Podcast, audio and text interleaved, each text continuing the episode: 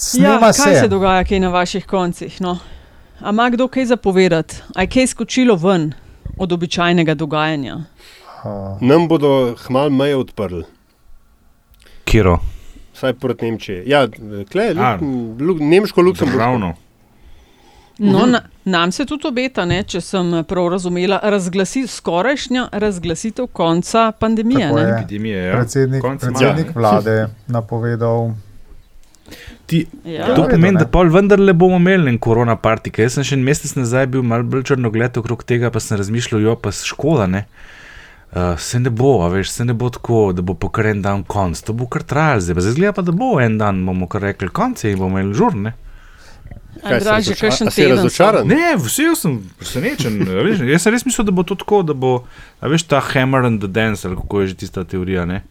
da bo ta dance Ja. ja. pol vendarle zahteval od nas določene previdnosti in ukrepe in tako, in da se epidemija ne bo nikoli preklicala. Ti si napovedoval Ampak- gradualizem, epidemiološki ja. gradualizem, da ne bo dneva D. Ne? Ja, tako ja. Uh, mene, Pa sej to ne bo, le že kakšen teden se ljudje kar na konkretno družijo, ne? ampak eh, šole. Ja, ne, Nataša, moraš, moraš paziti, to bo veš. Vse na izi. To, ne, Oj. lokali polni še ne pomeni, da so vsi to, veš. Sem, a, a, nisem, a nismo imeli vmes uh, epizode, točno. Uh, smo zmerili prejšnji teden, kakšen je od- odziv in kakšen je, kakšno so občutki. In je večina ljudi je zelo previdnih in zadržanih bila še prejšnji teden, glede obiskovanja lokalov in tako naprej. ja, mene Se No, lokali. zvezi z dok- in ja, prav- povej, povej. Ljubčki, preden mi tle zares začnemo, bi bilo fino, da mi spustimo špico. Pred nami je časna naloga. Veliko pa je tudi drobnih, a prijetnih stvari, za katere dolgo ni bilo časa. ker se jebi ga nekdo mora boriti za otroke. Več afer, kot bodo sproducirali, bolj bom grizla in sekala lovke. Ugotovljeno je, da gre za prevaro, da ta prevoz in teh 3 milijone mask ni nikoli obstajalo. Mi nismo ničesar plačali, tako da eh, v tem primeru zagotovo ne gre za goljofijo. Pa bom spet eh, s prispodobo udaril, da ne bo eh, izpadel nekonsistenten. To je LDGD, podcast, ki nikogar ne podcenjuje in ničesar ne jemlje preveč resno. V imenu svojih najbližjih in v božjem imenu vas pozivam na lov. Te razprave ne bom nadaljeval, pa ne zato, ker ne bi bil poguben, ampak zato, ker eh, nisem neumen. Si pravi, LDGD je podcast, ki nikogar ne podcenjuje in ničesar ne jemlje preveč resno, še posebej ne politike. In vaši gostitelji, Aljaš Pengovitenc, Radio Chaos, Antiša Korjan, Primorske novice, Andraž Zorko Valikon in Nataša Briški Metina lista. Takole, zdaj pa skoraj lahko nadaljujemo, oziroma za začetek Aljaš še uvodnih, obveznih nekaj sekund, ki se tičejo tega, da. Um, nas lahko, to moramo povedati, dobite redno na ključniku LDGD, sprejemamo uh, pohvale, kritike, uh, veseli smo ocen na spletu, ki nam jih delite. Uh, in iskrena hvala za deljenje vsebin uh, po vaših najljubših kanalih, in tudi te, te lepa hvala za um, vsak cekin, ki pade v šparovček metine liste za ustvarjanje naših vsebin. Je tako, kaj nekaj. Sem ne ali jaša, veš, da sem imel prav, veš, zanj sem lepo slišal. A ja, mi smo že v živo zdaj, sorry. Joj.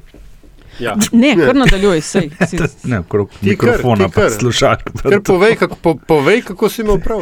Ti bom, ti bom pa povedal, red, sorry. A ja, ti zdaj v mikrofonu, ti si zdaj tehnično pameten, Ja, a ja, ja. ker se mi je zdaj nekaj čudno, da je pustimo to. Ja.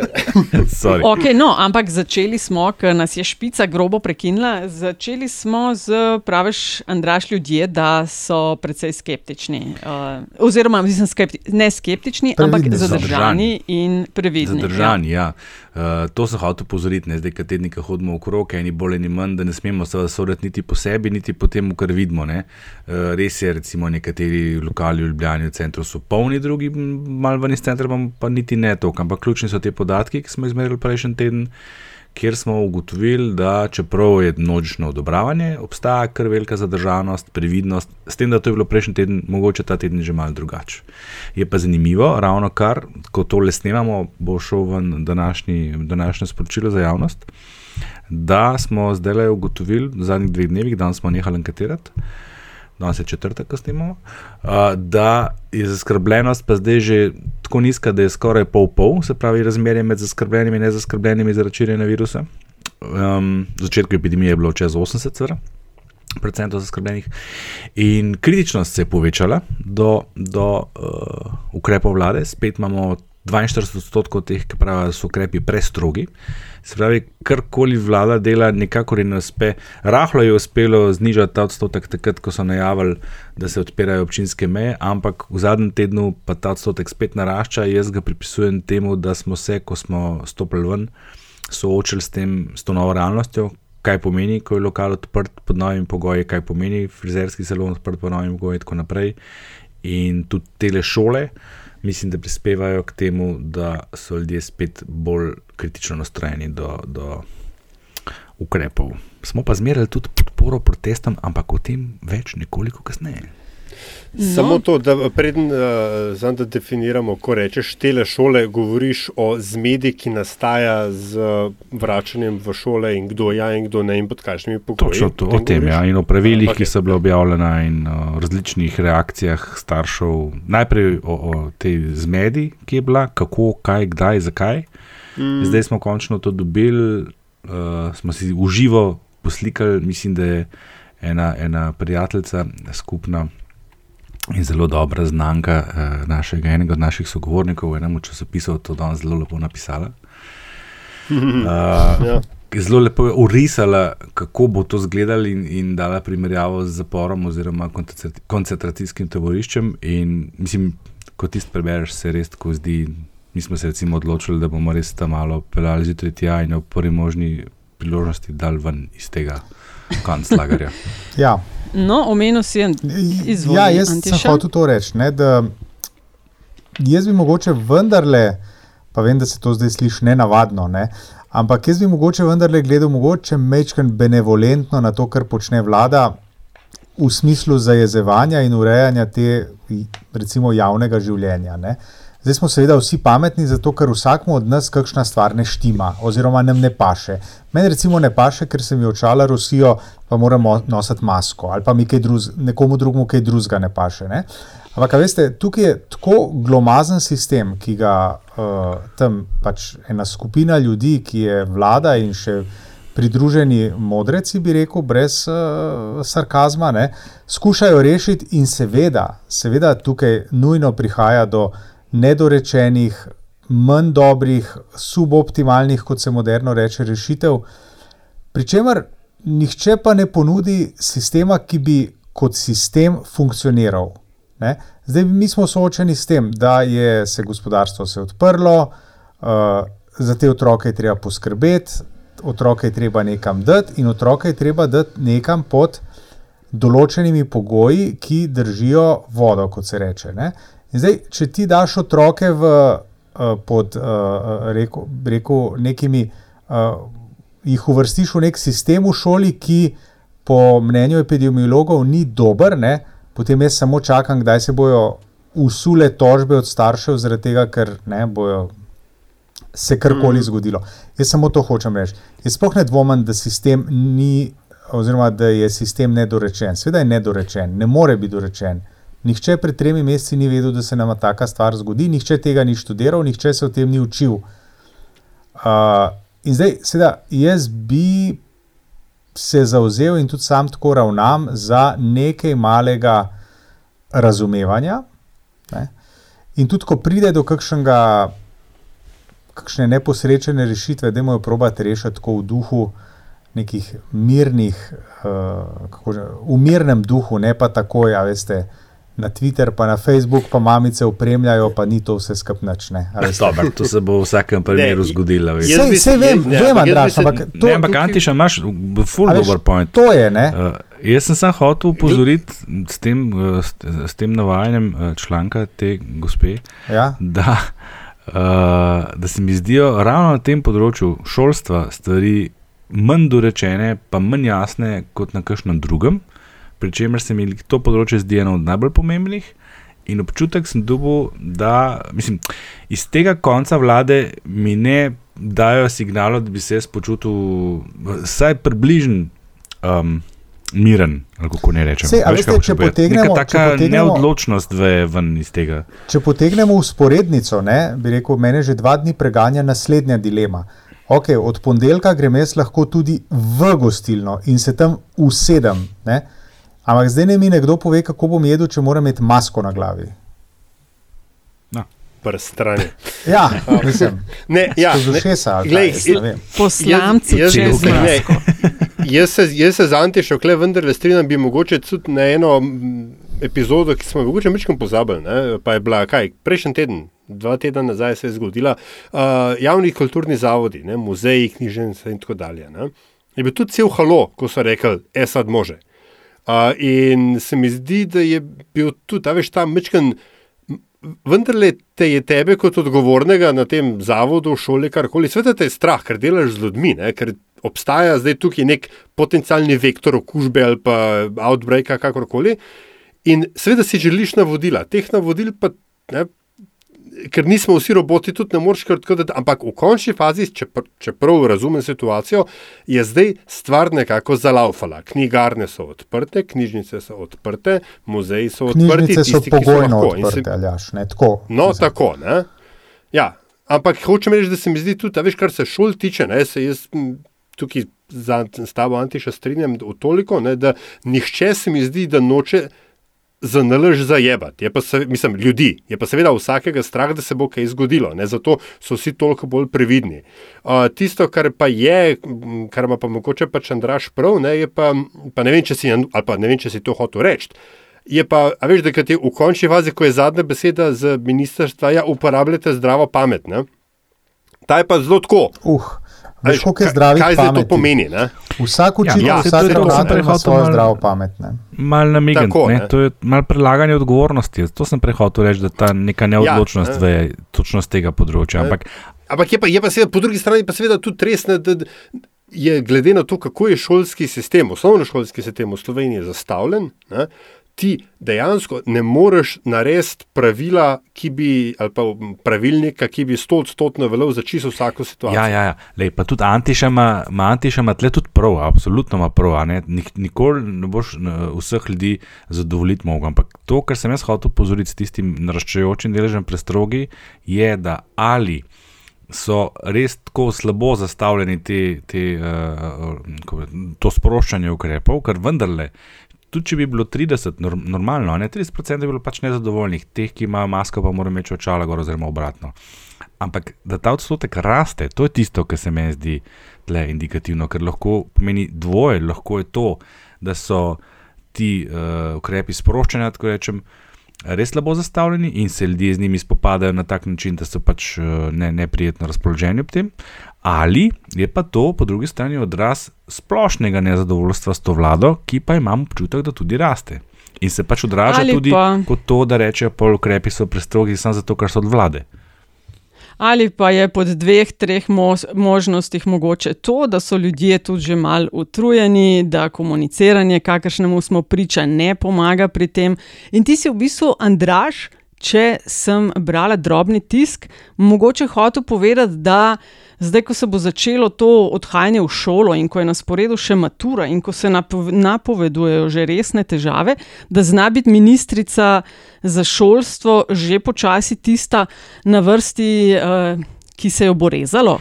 Nisem hotel tako delač, ampak osnove za to vsekakor se vzpostavljajo.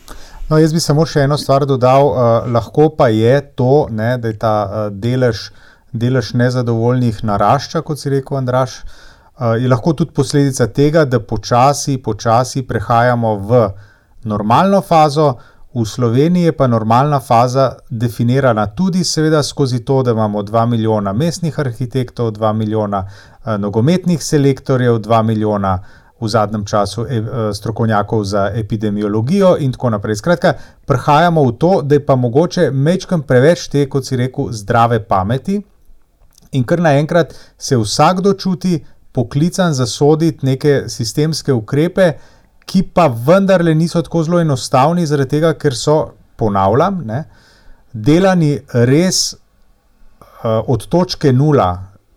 Tega, kar se zdaj dela, se nihče nikjer, nikoli v zgodovini ni mogel naučiti.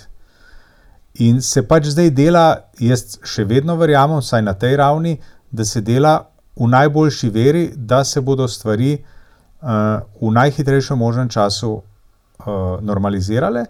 Po drugi strani imamo pa ljudi, ki hodimo zdaj spet uh, v službe, hodimo v knjižnice, gostilne, kamorkoli na sprehode. In nam nekatere stvari ne štimajo, in to potem pač ventiliramo skozi to, da, eh, kurc, se nimajo pojma, kaj delajo. Še dobro, da smo na sporedu po deseti uri zvečer. Seveda, ja. seveda. Smo rekli ja. za to epizodo, da bomo nekaj malega smo namigalni govorili o množenju protivladnih protestov.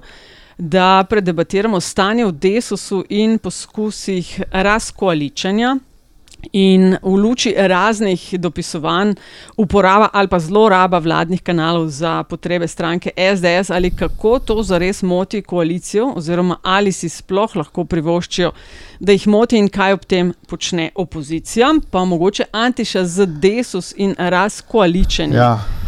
Če začnemo, ok, razmere se normalizirajo, seveda ni vse popolno, ampak velja biti razumevajoč, ampak že tedne pa smo pravzaprav vse od vzpostavitve te vlade. Uh, priče, ali pa zadnje tedne, intenzivno uh, poskusom razdora, zdaj pa ta razdor je ali ni, in v tem tednu, ko to snemamo, je sploh dogajanje v Desusu izjemno zanimivo. Ja, v Desusu, seveda, smo, kot razumem in berem medijske zapise, seveda je tam prišlo do neke do neke vrste razdora. Jaz bi tukaj bil zelo presenečen, če tukaj ne bi imel prstov zraven uh, Karler Javec. Gospod Rjavc, če nas poslušate, lepo vas pozdravljamo. Uh, zanimivo je, da se res od kongresa niste oglasili. Uh, on se dejansko ni oglasil, jaz ga nikjer nisem zasledil. Um, mislim pa seveda, da tukaj uh, uh, v pumpanju razmer v Desusu, ne, uh, ni on povsem brez uloge. Bil bi presenečen, če bi bil povsem brez uloge. Um, zdaj, tisto kar, se, tisto, kar se dogaja, jaz ne bi še govoril zdaj. A bodo šli ali ne bodo šli ven iz koalicije. Nekatere glasove je bilo slišati, ampak jaz bi spomnil, da uh, v to koalicijo so šli Tomaž Gantar, tudi, ki zdaj najbolj glasno govori, da bi šel mogoče ven pred dobrima dvema mesecema. Jaz sem zelo, zelo, zelo bi bil presenečen, uh, če oni niso vedeli, s kom gredo v koalicijo. In zdaj glumiti tukaj, uh, to je pa preveč, to je pa zdaj zadnja črta, ki so jo prestopili, od tod naprej se pogovarjamo na drug način in tako naprej. Čakajte malo, pa se ste vedeli, s kom greste v koalicijo. In takrat ste se odločili, da greste zraven. Zdaj pač ne. Je čas, da to, uh, je čas, da to prenašate ali pa greste ven, ampak jaz dvomim, da bodo šli. Mislim, za it ven je, se sliši res malo prezgodaj. Ah, seveda. Zanimivo, kaj se pogovarjamo. Danes smo, danes smo 14. maja, se pravi, dva meseca je minilo, pa en dan, meseca, ja, ker smo tako. dobili to vlado. Se pravi, smo na dveh tretjinah tistih običajnih 100 dni miru, ki jih ima vsaka nova vlada. Uh, pa se že, poleg vseh protestov, ki se vrstijo, zelo na glas govori o tem, da bo koalicija razpadla in tako naprej. Mislim, to tako zgleda, da se nam je v dveh mesecih zgodilo stvari za dve leti. Pa na nek način se jih tudi je. No, se jih je, je, se je zgodilo, res ogromno. Ne, ne na zadnje, ja. jaz se upravičujem, da ti skočim, ampak uh, Aleksandra Pivec ni imela priložnosti niti dvakrat se obrniti uh, na mestu predsednice. Eh, stranke, ko je že preletela kriza in z njo vse povezano, izredne razmere in pač to rezultira tudi v okrepljenih glasovih, uh, v smislu, zdaj pa vse, kar je prav. Izvoli nadaljevati. Mm, mm. Mislim, hoče se to reči, ne, da bo ta idealist v meni, ki se druži s sociologom v meni, ker seveda ni nujno ne povezano uh, s pregovorom. Uh, Mrzikdo se mi zdi, da je vendarle računal s tem z mano na čelu, da tako rečem, uh, da pa ta stranka, se pravi SDS, ne bo saj ne tako hitro, ali pa ne tako očitno, ali pa ne tako abruptno uh, počela tega, kar je počela tudi v opoziciji. Ne? Se smo se tudi tle pogovarjali, še predno so bili potrjeni, če se spomnite v eni epizodi. Uh, sem razlagal, da, da, da, da bo ta retorika se omaknila v zadje, da bo samo še za potrjevanje podpore med verniki, da bo to mogoče na Twitterju. Drugje, to se ne, zelo dobro spomnimo. spomnimo ja. no, se Mhm, dejansko ja. je tudi res, da na Twitterju to dejansko počnejo. Mislim, uh, ljudje, ki niso na Twitterju, uh, ne čutijo tega, tako kot mi, ki smo. To je tudi dejstvo. Ne? In na Twitterju se bistveno manj ljudi, kot pa, kakor pa zunaj njega. Ampak vseeno, ne, te, te, te, te zlorabe uradnih eh, komunikacijskih kanalov vlade za razširjanje stališč ene stranke, pritiski, diskriminacije in tako naprej, to je šlo absolutno čez rob, to mene res preseneča. Zato, ker sem bil prepričan, da prvič, da so se v desetih letih nekaj naučili, uh, oziroma dvanajstih, drugič, da, da so začutili priložnost, ne, ki jim je bila prenešena na pladnju in res bi lahko, res bi lahko povišali podporo. Dejansko je bilo dosegljivo v teh razmerah, pa s tako reakcijo na začetku, prvih 14 dni, preseči tudi tistih rekordnih 300 tisoč glasov, ko so jih imeli, dejansko bi lahko z veliko večino vladali še naslednja štiri leta. Vsi ti dogodki, ki smo jim bili zdaj priča, so jih spravili nazaj, uh, zrevoltirali so ljudi, ljudje so na ulicah in bodo tudi jutri in bojo še naslednjih par petkov. Ironično so si takoj uzredili, da tako rečem, ustrajnike, kar so bili oni nekoč in dali na nek način tudi vzor. Da bo pa vlada obstala ali ne, ne, to pa žal ni, žal z vidika protestnika, stvar tistih, ki protestirajo, ampak stvar tistih, kot ste tudi prej omenili, ki so v vladi. In razlogov, zakaj so šli v njo, in razlogov, zakaj bi potencialno išli iz nje. Zaenkrat stojijo ob strani in so na nek način s tem pasivni podporniki tudi tega, kar počne Logar, kar počne Janša, čeprav se tega distancirajo, ampak hočeš nočeš, če si partner koalicijski, si vsaj pasivni podpornik tega. In samo od tega je odvisno, ali ta vlada obstaja ali ne. No, se to, a se je načela. Ne vem, Ne, Jaz mislim, da ne. Glej, Jaz Mi, mislim, mi, mislim, treba, gled, treba je vendarle, ne, treba se po eni strani prešteti, ne, in drugič uh, se spomniti, da smo imeli do, kaj se pravi, februarja, uh, marca, ne, smo imeli mi mašinsko vlado, ne, kar pomeni, da tudi če gre desos ven, bi ta vlada na nek način ranjena, kot bi bila, bi seveda lahko še vedno obstala, zato ker ne bi imeli neke resne alternative. Volitve, ta hip v resnici, po mojem, da pa nobeno ne ne paše. pozabi na Linčiča, ne, ki lahko No, tako, da pa, zlati pa še to, ki ima lahko glasov, tak, kot smo ga že tako, poimenovali. a ne. tako, Ampak, ne. a veste, Ampak, ja. ampak ti, tisto, ki hodite, sam, sam to reči. ne, Da v bistvu vse to, kar se zdaj dogaja, prvič v naši v širši sliki, po mojem, dokazuje, da je kriza res konec, ne, ker se stvari vračajo v silnice in tirnice, kot smo jih, smo, smo jih bili navajeni. Uh, drugič, imam, uh, gre seveda za testiranje Janše, do, uh, se pravi, testirati, do kam lahko gre. Ne pozabimo, da je ko je on podpisal koalicijsko pogodbo še pred krizo, ko še noben ni bil, bil platizvo nazares. Ne, ko so bili še vsi zelo veseli, da so skupaj, je Janša podpisal vse, kar sta desus pa SMC hotela, samo zato, da je dobil te glasove, vključno z izogibanjem ideološkim temam. Ne. Ampak, zdaj pa tukaj seveda klasično internetno vprašanje za vse upletene. Ne, če pač vemo, ne, kako se. Uh, kako se ta lik obnaša, kako se ta stranka obnaša. Kaj za vraga je pa prepričalo, da bo pa to kar drugače? Jaz sem, moram te, te sicer zelo, relativno zelo namerne uh, primerjave izogniti, da se mi zdi pač tako, kot veš, uh, um, partner v odnosu, ne, ki je prav, tokrat bo pa res drugače, ker tokrat se je pa res spremenil ali pa spremenila, če hočeš. Ne. In kle, kle jaz nekega razumevanja ne, za, za, za zdaj vsta jamr in uh, vitje rok in ne vem kaj nimam. Uh, in se mi pa zdi, da je pa razvoj dogodkov popolnoma predvidljiv, glede na dosedanje izkušnje. Ja, jaz, jaz bi tukaj opozoril, oziroma bom tako rekel. No. Uh, v Sloveniji, kot veste, je vlada je v bistvu relativno kratka spremenljivka v časovnem kontinuumu. Tisto, kjer se ta hip škoda dela, po mojem, ni usoda te prejšnje ali prihodnje vlade. Škoda se, po mojem, dela zaradi uh, pač, uh, teh eskapad, ki smo jim priča, takim in drugačnim, želitev uh, nižanja nivoja javnega diskurza, se, po mojem, dela na družbeni ravni. Kot bi rekel Andraš, sociolog v meni pravi, da.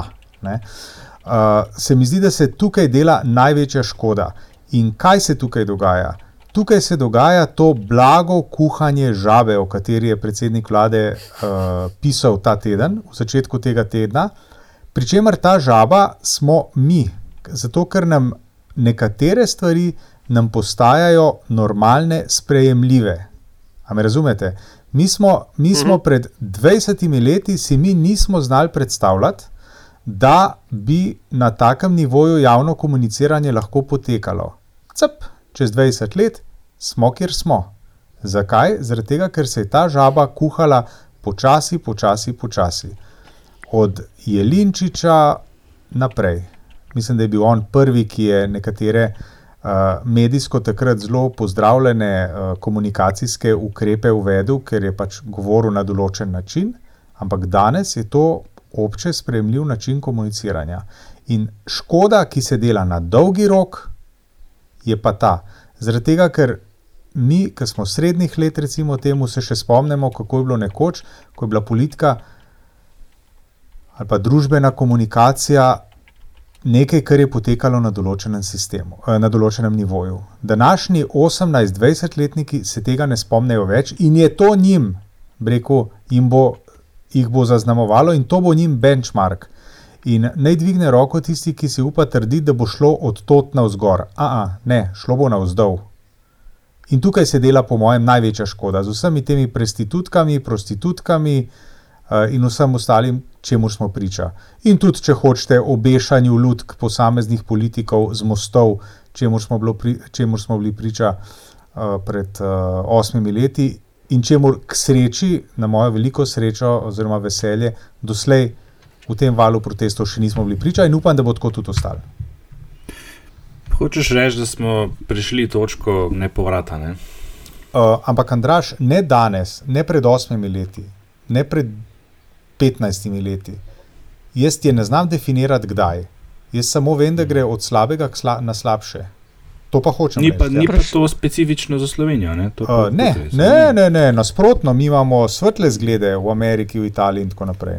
To, to ni več spet. To mogoče celo vse skupaj sovpada sovpada s pojavom uh, interneta oziroma širšo rabo uh, našega delovanja online in družbenih omrežij. Seveda, takrat smo, kle ja. smo lahko takšni, baze sodelujoči. Smo, Veste, obstaja, obstaja en termin, to bo, to bo Andraš, in ja. povemo tako, kak se zagreja. Andraš, kot iz šolan sociolog, bo eh, bila je družbena konstrukcija realnosti, ne to sta Berger in Lukman eh, pisala v 60-ih, pa je bila medijska pa je bila medijska konstrukcija realnosti. Ne? Zdaj jaz mislim, da bi se morala najti Berger in Lukman, ki bi napisala o, če hočete, Twitter konstrukciji realnosti. Tukaj se nanašam na to, kar si na začetku govoril, Andraš. Ne? Da ja, ljudje, ljudje ali pa Facebook, Twitter, se vsem kaj. Ne? Ljudje, ki niso na Twitterju, tega ne zaznavajo v tolikšni meri kot mi, ki smo na Twitterju. Ampak to je, to je mm, totalno, mm. rekel, virtualna konstrukcija realnosti. Mi, pač, to je zelo dober point. Ne? Facebook. Tukaj mi jemljemo Facebook. Za realnost, ne potem, veš. Zato, ker tam je, lej, na Facebooku je 80% ljudi v eni razviti državi kot je Slovenija in to velja za vse razvite države, nekje malo manj, nekje malo več. In to je medij, ki ima takšen doseg, kot ga ni noben medij v zgodovini kadarkoli imel.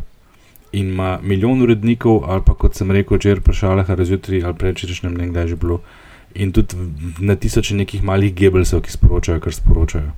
Se mi je pa ob tem posvetila ena lušna primera, ne? če smo gledali film Social Network o nastanku Facebooka. Ne? Tam je zelo lepo prikazano, kako je Facebook nastal v bistvu zaradi ene jeze, zaradi ene frustracije enega mladeniča, ki je bil zavrnen, ne? ki je bil frustriran, zavrnen, užaljen, jezen in na tam, kot ko Facebook danes tudi zgleda. Ja, pač Facebook, veš, Facebook tako, jaz pač spremljam in Twitter, in Facebook, in Instagram. V manjši meri se mi zdi kot, uh, uh, kot Twitter. Ne? Ne, ja, veš zakaj? Zato, ker je precej bolj razširjen uh, in je tudi precej drugih vsebin, ker Twitter je pa skoncentriran na to. Je pa zato to že dosegel. Se zdi, da je uh, tako, če bi recimo vzeli uh, maligno, uh, benigno kontinuum, ne, da je Twitter bistveno, bistveno bolj maligen in uh, Facebook benigen, tak, neškodljiv, bi tako rekel. Medtem ko Twitter je pa druga zgodba, on je pa res maligen. Ne?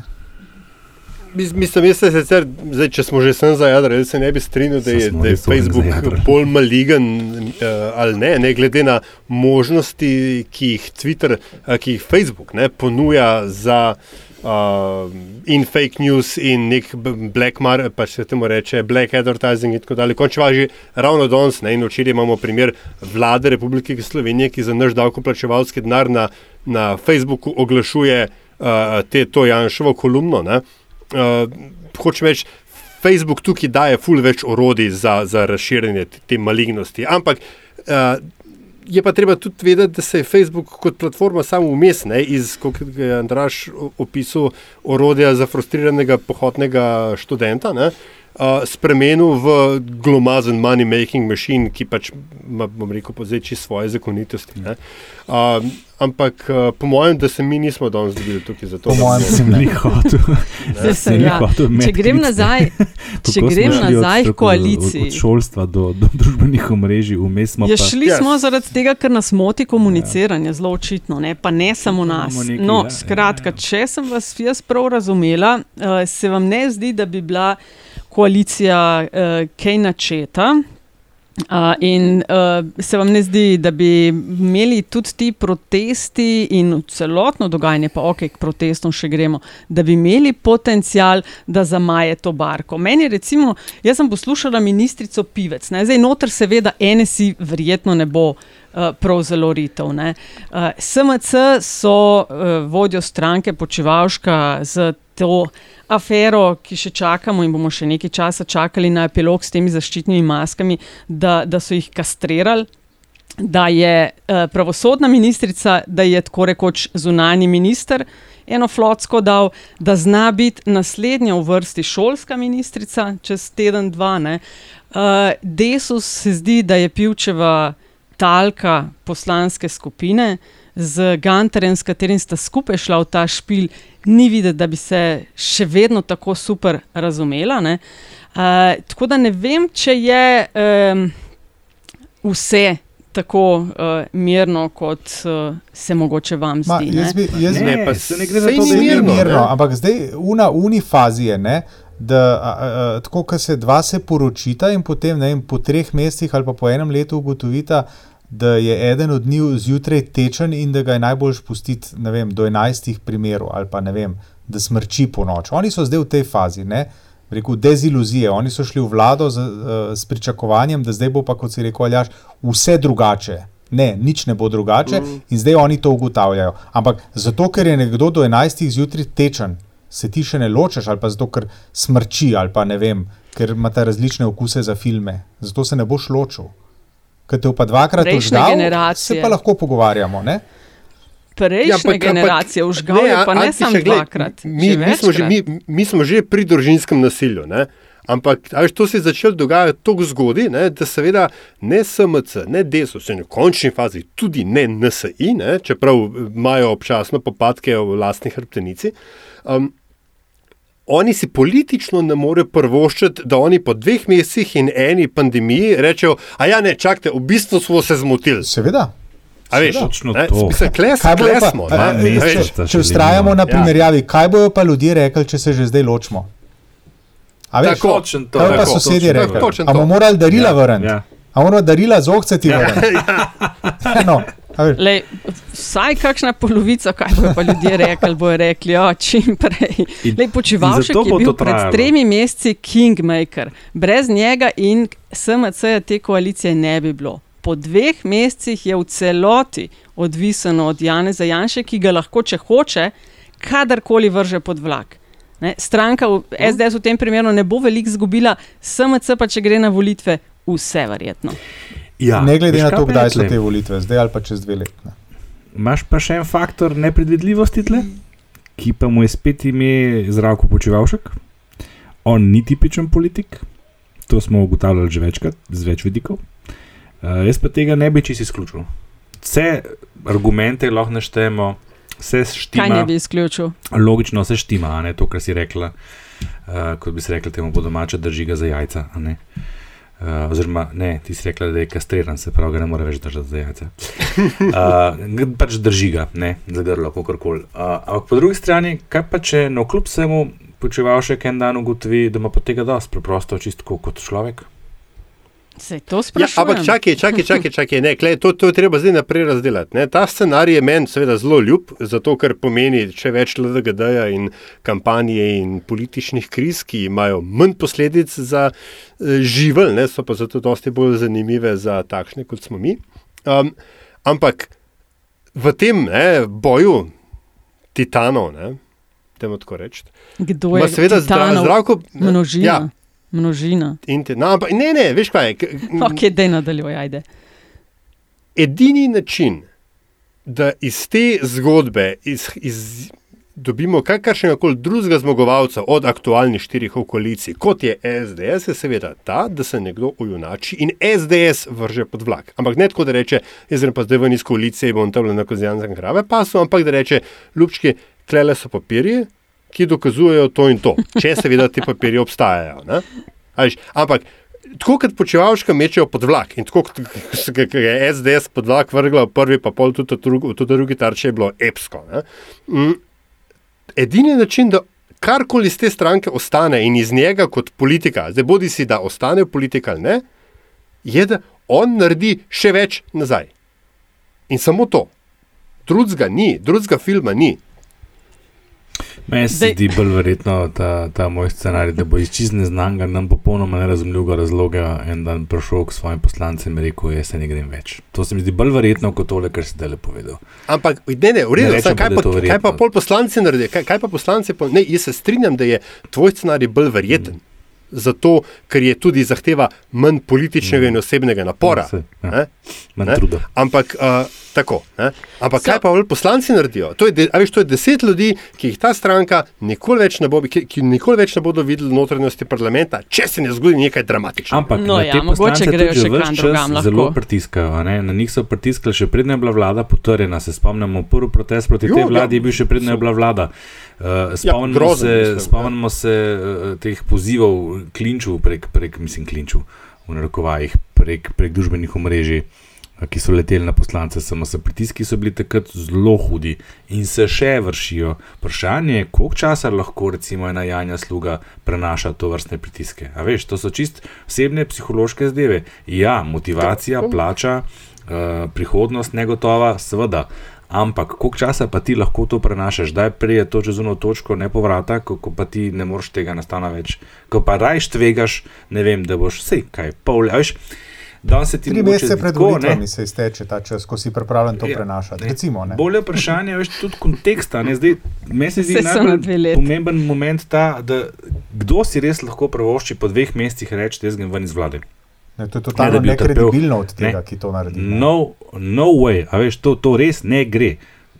Razen če vržeš v- bombo. V epidemiji, mislim, razumeš. To, to, to, to, tega še v Italiji niso počeli, pa so, ne vem. Na, Epidemija bo razglašena konec, konec bo konec meseca in Janša poziva k eh, enotnosti. Zdaj o tem njegovem zapisu se mi zdi brez veze debatirati, ker 30 let eno in isto piše Isto, in ja. eno in isto govori. Ne vem, če ste na, opazili, kolega Luka Hvalc je objavil na svojem Twitter naslovu intervju, ki ga je imel pokojni Jerman.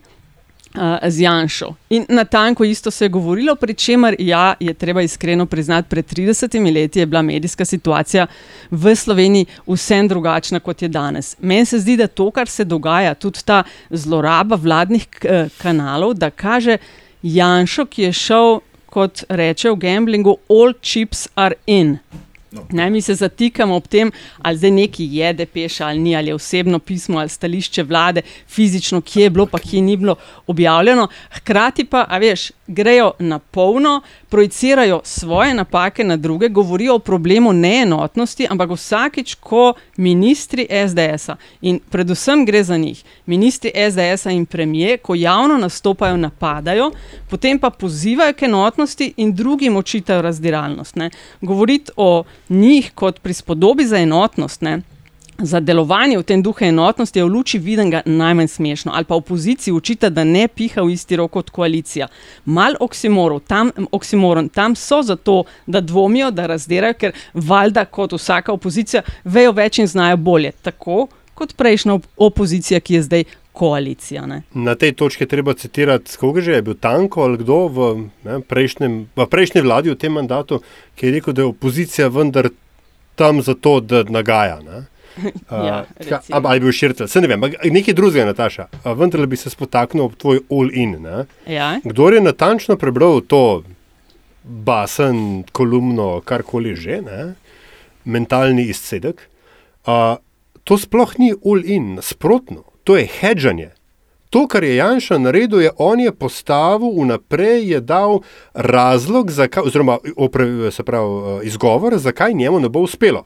Ker on polovico teksta govori o tem, da vojne z mediji ni moč dobiti, potem drugo polovico teksta pa pove ljudem, to, kar vidite, se ne dogaja. Pravi, vojna z mediji ne obstaja. Ne, In je, zaključ, zaključ, zaključek je jasen. Če on v tej zgodbi zmaga, potem je on vojno z mediji dobil. Če on v tej zgodbi ne zmaga, potem vojne z mediji nikoli ni bilo. Ma to, kaj si on misli o tej vojni z mediji, meni čisto vse. S tem all chips are in, sem mislila samo to, da pred, v, ko je vladal 2-4-2-8, pa v drugi njegovi vladi, je tukaj malo sramežljivosti bilo. Se na ta, te kanale ni šlo zdaj tukaj ni več, zdaj tukaj s tankom dalje in to s tankom, ki levo, desno in umestno ruši. To je samo zato, ker mu je zmanjkalo drugega orožja. Ja, pa ne vem, če jih ima manj. Ni, glej, nima ljudi, nima, glej, tudi, tudi pa še nekaj je, tukaj pa moram vendarle a, a, način, koliko on dobiva pushbacka nazaj. V končni fazi z vrha medijske hiše, RTV-ja. Še nikoli tako. Kaj, da so Ve, se česa ni bilo? Preden se vsi zaklepetate in pozabite, da sta moderatorja, pa da sta mi dva gosta. Um, eno stvar je treba upozoriti. Tle gre skozi to debato, mi je kura jajce, v resnici. In tako kot lahko uh, ti zdaj le trdiš, ja, oni govorijo o enotnosti, hkrati so pa največji razdiralci lahko na drugi strani pritrdiš temu, da ja, mediji so res bolj levi kot desni in to je že 30 let. In jaz recimo ne vidim bistvene razlike. Ne, ne, med, ne. med, a smem do konca povedati? Zelo, manjiti ne, zelo ne, bistvene ne, razlike. Nataša, oprosti, no. ne Pred 30 leti je bila drugačna. Ne bom povedal, sploh ti ne bom no. pustil, da govoriš zdaj. Ker sem začel govoriti, prosim, če, če se vsaj mi držimo ene kulture komunikacije, če smo že učitali, da letavaš noter. Prosim. A si končala, lahko govorim naprej? Ne, nisem končala, lahko nadaljujem. Okay. Skratka, situacija pred 30 ne, ne leti je bila drugačna. Ne, povedati, kar Ko... hočem povedati. Da je na hitro. No? Ne, to bom pa zdaj pa protestno zapustil tole snemanje in se vam lepo zahvalil za sodelovanje. Lep pozdrav, nehal sem ta moment snemati. Nasvidenje. Ok, pozdravljen. Uh, Antiša, želiš kaj dodati? Ne, čakam, da ti poveš, pa se bom pa jaz na kaj odzval. Nekaj si hotel ja, san... nadaljevati. Ja. Sam to sem želela povedati, da pred 30 leti, ko se je Janša pritoževal nad mediji, je bila drugačna situacija, vsem kot danes. Ne. Vsem so bili res ljudje, ne vem, reka nastavljeni, ampak vsem bliže režimu, ki je takrat vladal. To danes ne vem, mi vsi trije delamo v medijih, danes ni temu tako, no. danes je drugače, ne vem, prečiščeno. Se ti ne zdi? Ma, mislim, da je drugače. Pred 30 leti si imel uh, nacionalno televizijo, pa radio, ne? imel si delo, dnevnik večer uh, in mladino. Zdaj, kogar sem pozabil, se mu upravičujem, in seveda lokalne radijske postaje. Potem je pred recimo 29 leti nastal Slovenec, pa je potem pred 26 leti nastal Mak pa je nastala Pop TV, pa je nastala TV3, ne pozabimo, ne, kakšne 14 dni za Pop TV, je nastala še TV3 z ambicijo nagovoriti ta konservativni del javnosti, televizijske javnosti in tako naprej. Tako da od takrat se je res ogromno zgodilo. Potem je seveda, potem, seveda medij, potem je nastala Republika, potem je nastalo to, pa je to propadlo, pa je uno propadlo, pa je uno nastalo, pa je nastal reporter, kot se mi zdi tako preko uh, razmeroma kakovosten uh, desno-sredinski tednik. Uh, in potem je nastala ta revolucija, če tako rečemo, na rekovajih z, uh, s Twitterjem in Facebookom, in tako naprej. Tako da ne vem, krajina se je radikalno, radikalno spremenila. Vsakdo, ki to želi, ima lahko svoj medij z takim in drugačnim dosegom. Mi imamo na Twitterju, tudi v Sloveniji, ljudi, ki imajo po, ne vem, ali jaš ti boš vedel, deset tisoč in več sledilcev. Mislim, to so resne, No, oh, resne to v narekovajih naklade. Ne? In uh, um, stvari, so se, stvari so se bistveno, bistveno, bistveno spremenile. Zdaj mi se lahko na dolgo in široko pogovarjamo o žabah, ki, ki, jih, kuhamo, ki jih kuhajo in uh, oklicujemo vojne in dvomimo o tem, ali so vojne ali niso vojne z mediji. Ampak, kaj pa vem, no. Cajt je bistveno drugačen. Ja. Meni se tudi zdi, da se je uh, scena medijska precej spremenila. Ne? Kaj imamo, še eno temo smo rekli, ne? Protesti. Protesti? Tako je. Ja, to sem hotel, vse bolj redni so, vsaj ti petkovi. Uh, najprej so se vezali na preiskave zaščitne opreme, nakupovanja, zdaj tudi zaradi zaostrovanja pogojev glede sodelovanja NVO v postopkih. Uh, najprej februarja so bili še preden se je ta vlada sestavila proti koaliciji sovraštva, zdaj z balkonov na kolesa. Um, Sta bila vidva, nista bila v Ljubljani, ne tedni, jaz tudi ne, Uh, ne jaz, tako da težko v, iz... jaz sem bil v petek zvečer, sem bil kot neudeleženec uh, protestov, sem bil v centru, pač ker me je zanimalo, kako stvar zgleda. Uh, jaz, jaz bi tako rekel, ne, uh, mene, meni se ponovno se mi potrjuje, ti uh, ljudi ne moreš premagati, pa če jim še tako prepoveduješ. Ne. V Ljubljani so zaprli Šubičevo, da se ni dalo mimo Šubičeve, zaprli so, zaprli so uh, Gregorčičevo, da se ni dalo mimo vlade. Kaj so ljudje naredili? Ljudje so uh, raztegnili krok, samo to so naredili. Ne?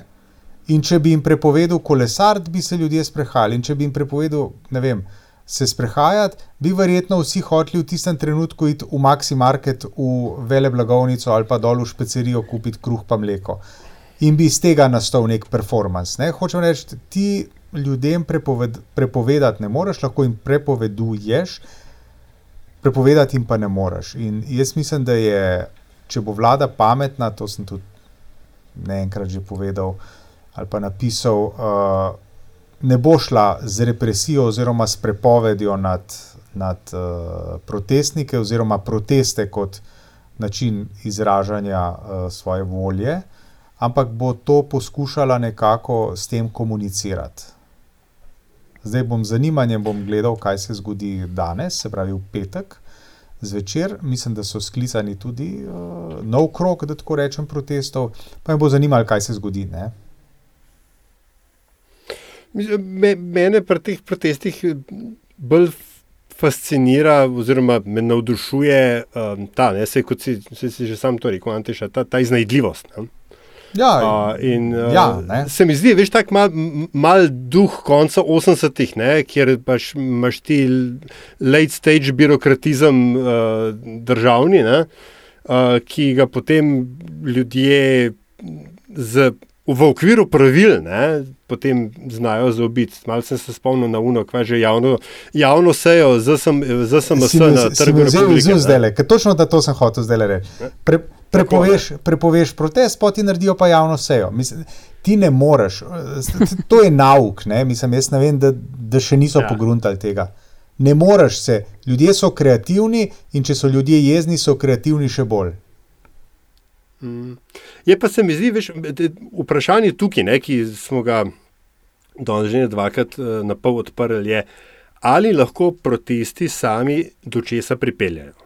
Jaz sem rahlo skeptičen, se mi zdijo, tako bolj se mi zdi, ne, če smo že pri družboslovnih izrazih, nujni, ne pa zadostni pogoj za kakršno koli politično spremembo. Ja, jaz, dvo, jaz dvomim v to, da protesti v sedanjem obsegu lahko kam pripeljejo. Jaz mislim, da so še premehni, premalo intenzivni. Se mi zdi pa pomembno, no, jaz to ne morem dosti poudariti. Se mi zdi pomembno, da imamo možnost povedati, kaj mislimo. Sej jaz se mogoče s kakšno stvarjo tudi ne strinjam. Mogoče se mi zdi pretirano, mogoče kdaj, mogoče s kom ne želim korakati pod isto zastavo. Če odmislimo, da pač kot novinar praviloma ne hodim na take stvari, se mi ne zdi prav. Ampak bi rekel, se mi pa kot državljanu in tudi kot novinarju zdi pomembno, da mi tega nekdo ne prepoveduje. To pa ne. To pa, ko ti pa nekdo, uh, ko pa nekdo to postavi, mojo pravico, državljanovo pravico pod vprašaj, potem pa se morajo zasvetiti rdeče lučke in ne, takrat pa je čas, da se kdo dvigne in reče: Poslušajte, to pa ne. To se mi zdi pa tako ena tako elementarna svoboščina, da v, vanjo pa res ne smemo posegati. In jaz upam, da ne bodo več, ne? zdaj, ko bo preklicana epidemija, pa gremo, ne? kdor pač hoče. A veš, kaj se mi zdi zanimivo, Antiša, kar si omenil? Ne? Rekl si, da so ljudje zelo jezni, so še bolj kreativni. Ali jaš, ne vem, če se spomniš, eh, tudi Rok Kajzer nam je to govoril v zadnjem metinem čaju, ne? ko smo uh, obujali na nek način spomine tudi na tiste proteste, gotov je. Ne? Je enako rekel, ne? da je bolj, ko so bili ljudje jezni, bolj so bili kreativni. Ne? In ti protesti, tole s kolesi, igranje golfa pred parlamentom, ne? so nekaj zanimivih um, akcij. Sproducirali. Zdaj, številke pa vsak teden so do zdaj bile večje. Ne? Ja, pa ne, ne pozabimo še nečesa. Ne? Un, ki sklicuje proteste, ima tako dve možnosti. Ima. Ali skliče 15 tisoč ljudi pred parlament, ali jih pride pa 15. Ne? Brez tisoč, 15 ljudi mm -hmm, pride pred mm -hmm. parlament. Se pravi, ima precejšno možnost, da tudi na celi črti pogrne. Ampak to, to, to možnost, da se osramotimo, moramo tudi dati. A razumete? Komorkoli že, ja, kateremu koli ja, ja, ja. že organizatorju. Mm. Zdaj bi pa se lepa številke od Andraža, ki jih je obljubljal za proteste. Oh. Ampak bodo morda v kakšnem spremnem tekstu ob objavi na uh, socialnih omrežjih posredovane. Yes. Um, ja, še kaj? Gremo, gremo na 30. Ne, ne uh, po mojem, gremo lahko na 30. Ja. Na Zadnjih 30. 30. Kar izvolite. Um, Okay, no, bom jaz začela. No, k tokratni debati v tej epizodi uh, pa je šire v zadnjih 30 tokrat priporočilo za ogled šestdelne serije z naslovom Zarota proti Ameriki. Na voljo je na HBO, posneta po istoimenski knjigi imenitnega Filipa Rota, v zgodbi pa, kaj bi se zgodilo, Če bi na volitvah v ZDA leta 1940, torej v času druge svetovne vojne, Roosevelta premagal Charles Lindbergh, slavni letalec, ki je odkrito simpatiziral s Hitlerjem in fašizmom. Serija o počasnem hiranju demokracije, o prvo in drugorazrednih. Preplet resničnega in fikcije. Knjigo je Rod napisal 2004. leta, vsakršna podobnost z današnjim časom je zgolj naključna. No, potem se bom pa jaz navezal. Ne? Obstaja en roman, ki v slovenščini njegov naslov se, uh, se uh, zveni, oziroma se imenuje Veliki raj 1964, napisal ga je Robert Harris. Uh, gre za klasično kriminalko, je pa uh, uh, rekel, uh, zgodovinski temelj, je pa špekulacija, kaj bi se zgodilo, če bi v drugi svetovni vojni zmagal Adolf Hitler. Kriminalka se mm. dogaja v Berlinu leta 1964, po spominu govorim, uh, je uh, uh, Rusija je samo ena od, ena od provinc Velikega Rajha in tako naprej. In, tako naprej. in uh, zelo zanimivo branje, ki ga, navezujoč se na to, kar si povedala Nataša, priporočam. No, se bom pa še jaz uh, navezal za am ameriško. Zdaj, nekaj, nekaj vem o tem tvojem uh, velikem rajhu, pa zdaj ne smem povedati, ker ne smemo komunicirati, ampak je zanimivo. Um, skratka, če smo že pri Ameriki, um, zadnjič sem barval ene te um, notranje prostore, tukaj pri nas. In sem poslušal podcaste, ki sem jih imel že dolgo časa na seznamu, pa nisem do tega prišel. Skratka, uh, priporočam Slow Burn, obe sezoni. Prva sezona se ukvarja z potekom afere Watergate, druga sezona se pa pot, uh, ukvarja z potekom afere Lewinsky. Uh, ne vem, če bo tretja sezona, ker se je to snemalo v času impeachmenta Donalda Trumpa, ampak uh, full dobro, detajli, uh, zgodovinski pričevalci, um, absolutno vredno vašega časa. Ok, to je to, LDGD, epizoda številka 37. Hvala za poslušanje. Uh, hvala za družbo in bomo zelo veseli, kakšne ocene na spletu in deljenje epizode, če se vam zdi, da smo povedali kaj novega, kaj zanimivega. Do naslednjič, adijo. In še poseben pozdrav Andražu. Prav za res.